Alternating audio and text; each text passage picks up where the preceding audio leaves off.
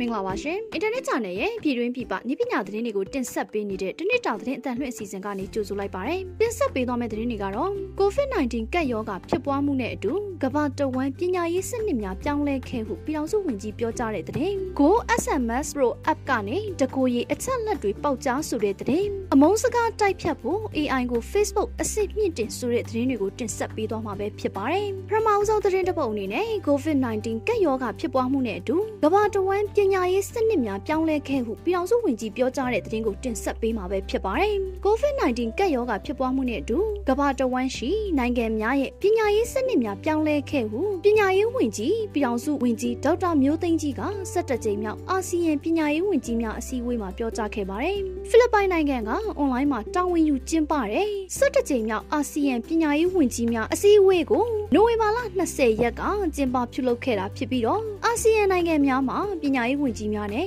အာဆီယံအထွေထွေအတွင်းရေးမှူးချုပ်တို့တက်ရောက်ခဲ့ကြကပညာရေးဝန်ကြီးများကအလှည့်ကျမိန့်ခွန်းပြောကြားခဲ့ကြပါတယ်။ COVID-19 ကပ်ရောဂါဖြစ်ပွားမှုနဲ့အတူကမ္ဘာတဝန်းရှိနိုင်ငံများရဲ့ပညာရေးစနစ်များပြောင်းလဲခဲ့ပါကြောင်းကျောင်းသားကျောင်းသူများဘေးကင်းလုံခြုံ၍ကျန်းမာပျော်ရွှင်သောအရေးသွေးရှိတည်ယူမှုအခွင့်အလမ်းများမဆုံးရှုံးစေရန်နဲ့လက်ရှိပညာရေးစနစ်ကိုပြန်လည်ပုံဖော်ရာတွင်အစိုးရများနဲ့ပညာရေးဌာနများအနေနဲ့စိန်ခေါ်မှုများရင်ဆိုင်နေရပါကြောင်း မြန်မာနိုင်ငံပညာရေးဝန်ကြီးဌာနဟာအမျိုးသားအဆင့် COVID-19 တုံ့ပြန်ရေးနဲ့ပြန်လည်ထူထောင်ရေးလုပ်ငန်းစဉ်ကိုအကောင့်ထဲဖော်လျက်ရှိပါကြောင်းတမန်ရေးနဲ့အာကစားဝန်ကြီးဌာနကထုတ်ပြန်ထားတဲ့လမ်းညွှန်ချက်တွေနဲ့အညီဇူလိုင်လ18ရက်ကမြန်မာနိုင်ငံတဝန်းရှိအထက်တန်းကျောင်းပေါင်း9183ကျောင်းရှိတဲ့အနက်6526ကျောင်းကိုဖွင့်လှစ်ခဲ့ပါကြောင်းသို့သောပြည်တွင်းကူးစက်မှုနှုန်းမြင့်တက်လာတဲ့အတွက်အဆိုပါကျောင်းတွေကိုဩဂတ်လ28ရက်၌ပြန်လည်ပိတ်ခဲ့ရပါကြောင်းဗီဒီယိုသင်ခန်းစာတွေကိုလည်းပညာရေးဝန်ကြီးဌာနရဲ့ Education Channel ကနေတဆင့်ထုတ်လွှင့်ပေးနေတဲ့ကဲ့သို့ CRE ရဲ့စွမ်းဆောင်ရည်မြင့်မားရေးအတွက်မြန်မာ Digital ပညာရေး Platform ကတဆင့် online သင်တန်းများပို့ချပေးလျက်ရှိပါကြောင်းမြန်မာနိုင်ငံတဝန်းရှိကျောင်းသားများသင်ယူမှုအခွင့်အလမ်းမဆုံးရှုံးစေရေးဟုသောပညာရေးဝန်ကြီးရဲ့မူဝါဒအပေါ်အခြေခံလျက်အစိုးရနဲ့ပုဂ္ဂလိကပိုင်းရုံမြင့်တန်ကြားလိုင်းတွေနဲ့ FM Radio တို့နဲ့ပူးပေါင်းကလေးလာသင်ယူမှုအခွင့်အလမ်းတွေကိုပုံမဖန်တီးပေးနိုင်ရန်စီစဉ်လျက်ရှိကြောင်း DBE Boss များနဲ့ Digital သင်ကြားသင်ယူမှုဆိုင်ရာ Toolkits များကိုအင်တာနက်လိုင်းများမရရှိနိုင်တဲ့ဝေးလံခေါင်ဖျားဒေတာများတွင်အသုံးပြုနိုင်ပါကြောင်း DBE Boss များနဲ့ Digital သင်ခန်းစာတွေကိုပြုစုလျက်ရှိတဲ့ကဲ့သို့မြန်မာ National Open University for ဆောင်နိုင်ရေးအတွက်လည်းလေးလာဆွေးနွေးလျက်ရှိပါကြောင်းဒေါက်တာမျိုးသိန်းကြီးကပြောကြားခဲ့ပါတယ်။ပညာရေးဝန်ကြီးဌာနအနေနဲ့ဖွံ့ဖြိုးမှုမိတ်ဖက်များနဲ့ပူးပေါင်းပြီးတော့အမျိုးသားပညာရေးမဟာဗျူဟာစီမံကိန်း2021-2030မူကြမ်းကိုရေးဆွဲရာတွင်တောင်းသားကျော င်းသူများလူသားကောင်းစိတ်သက်ရှိမှုပူးပေါင်းဆောင်ရွက်တတ်မှုတာဝန်ယူမှု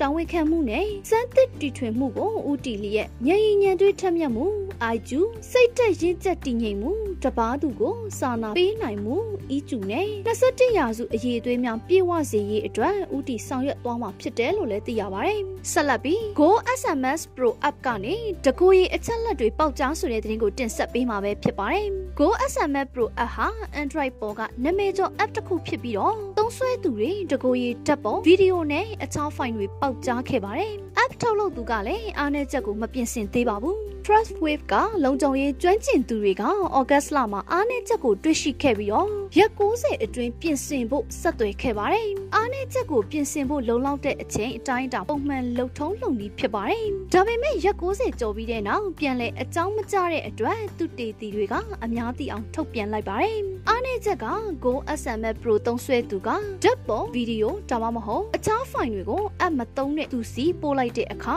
server ထဲရောက်သွားပါတယ်။သုံးစွဲသူက message website လိပ်စာနဲ့ဝေမျှနိုင်ပြီးတော့ app ကို install လုပ်စရာမလိုဘဲနဲ့လက်ခံသူကမြင်နိုင်တာပဲဖြစ်ပါတယ်။နောက်ဆုံးသတင်းတစ်ပုဒ်အနေနဲ့အမုန်းစကားတိုက်ဖြတ်ဖို့ AI ကို Facebook အဆင့်မြင့်တင်ဆိုတဲ့သတင်းကိုတင်ဆက်ပေးမှာပဲဖြစ်ပါတယ်။ Facebook ဟာ artificial intelligence နည်းပညာသုံးပြီးတော့အမုန်းစကားတွေတိုက်ဖြတ်သွားမယ်လို့ပြောလိုက်ပါတယ်။အသက်ထွက်လာတဲ့ပွင့်လင်းမြင့်တာမှုအစီရင်ခံစာအရ Facebook ကဒီနှစ်အစောပိုင်း policy ပြောင်းအပြီးလူမှုရေးမီဒီယာအမုန်းစကားအသေးစိတ်အချက်လက်တွေကိုဖော်ပြထားပါတယ်။ Facebook ရဲ့လေးလပတ်အစီရင်ခံစာမှာအမုန်းစကားပြန့်နှံ့မှုသတင်းအသစ်တွေပါဝင်လာပါတယ်။ Facebook သုံးစွဲသူ3တက်သမ1.3ကနေ3တက်သမ1.1ရာခိုင်နှုန်းကအမုန်းစကားစီးမြင့်တွေချိုးဖောက်ခဲ့တယ်လို့ခန့်မှန်းထားပါတယ်။အကြောင်းအရာတစ်ခုကြည့်ရှုသူ1000မှာအမုန်းစကားဖြန့်ဝေသူ10ယောက်ကနေ17ယောက်အရေအတွက်အတွက်နဲ့ညီမျှတယ်။အဲ့ဒီအချက်လက်ကဂျာဗန် post တွေကိုအခြေပြုထားတာဖြစ်ပြီးတော့ post အရေးအတွက် content ဖော်ပြမှုကိုပဲတိုင်းတာထားပါတယ်။အလွန်ရေပန်းစားတဲ့ post တက်ရောက်မှုအပေါ်ကအချက်လက်ကိုရယူထားပါတယ်။အခုတင်ဆက်ပေးသွားတဲ့သတင်းတွေက